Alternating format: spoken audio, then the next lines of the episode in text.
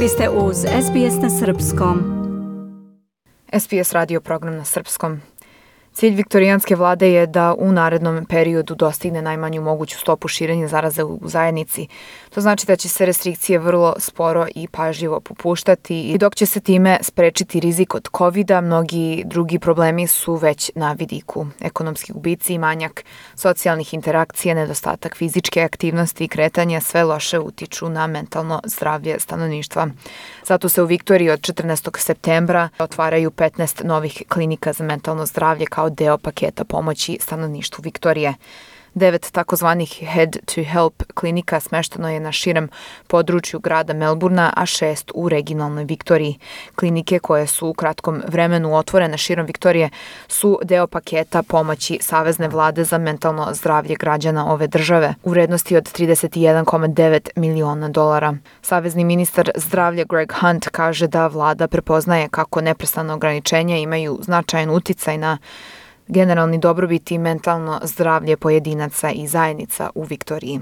We've been able to provide economic support, but at the same time Uspeli smo da pružimo ekonomsku podršku, ali na isti taj način koji programi JobKeeper i JobSeeker pomažu australijancima, od ključne je važnosti pružiti podršku mentalnom zdravlju građana. Prvo želimo da pošaljemo poruku da je u redu ako se ne osjećate da ste ok.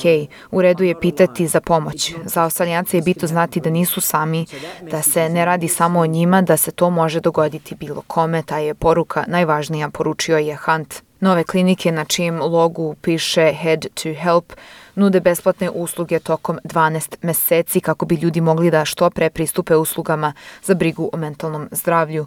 Stručnjaci za mentalno zdravlje u ovim klinikama uključuju lekare opšte prakse, medicinske sestre za mentalno zdravlje, psihologe, psihijatre, socijalne radnike i druge relevantne medicinske radnike. Klinike će takođe pomoći da se ljudi povežu sa drugim uslugama, uključujući sa centrima za intenzivnu negu, kao i centrima za socijalnu pomoć.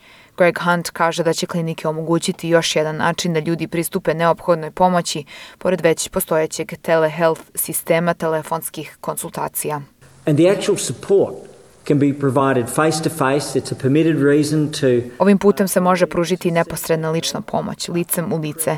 Ukoliko vam treba pomoć, ovo je potpuno opravdan razlog da napustite svoj dom.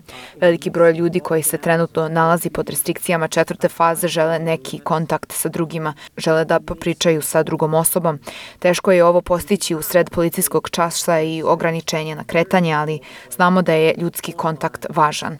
Naravno, ukoliko ne možete da dobijete podršku licem u lice, vrlo je važno da svakako popričate s nekim preko telefona ili internet servisa. Pored klinika uložit će se i dodatnih 5 miliona dolara u finansiranje postojećih digitalnih i telefonskih usluga za ostale zdravstvene oblasti. Usluge uključuju one koje pružaju pomoć osobama sa porećajima u ishrani, kao što je organizacija The Butterfly Foundation ili Q Life, koja pruža anonimnu i besplatnu podršku LGBTI zajednicama i organizacijama organizaciji koja se zove Perinatal Anxiety and Depression Australia. Viktorijanska služba za zdravstvenu zaštitu osoba prvih nacija Australije Yarsing Safe and Strong takođe će dobiti dodatnu podršku. Zamjenica glavnog državnog zdravstvenog savjetnika za mentalno zdravlje Ruth Vine kaže da su klinike odgovor na rastuće potrebe zajednice. Primetili smo da je tokom strogih restrikcija u Melbourneu, nažalost, došlo do značajnog povećanja broja ljudi koji su došli u hitnu pomoć sa akutnim problemima mentalnog zdravlja. Porast je posebno primećen kod mladih i kod onih koji boluju od poremećaja u načinu ishrane, kao i kod osoba s drugim problemima, a imali smo i veliku potražnju za krevete u bolnici. Dakle, ono što će ove usluge učiniti jeste da pružu dostupnu, besplatnu, profesionalnu socijalnu službu na 15 različitih lokacija, rekla je Ruth Vine.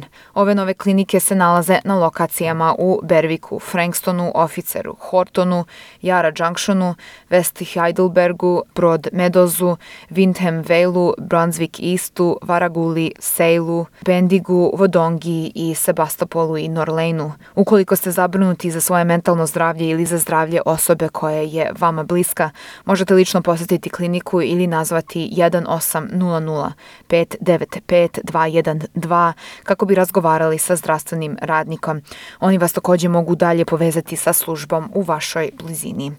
A više informacija možete saznati i preko web stranice headtohelp.org.au. Dajte like, podelite, komentarišite. Pratite SBS Serbian Facebook profil.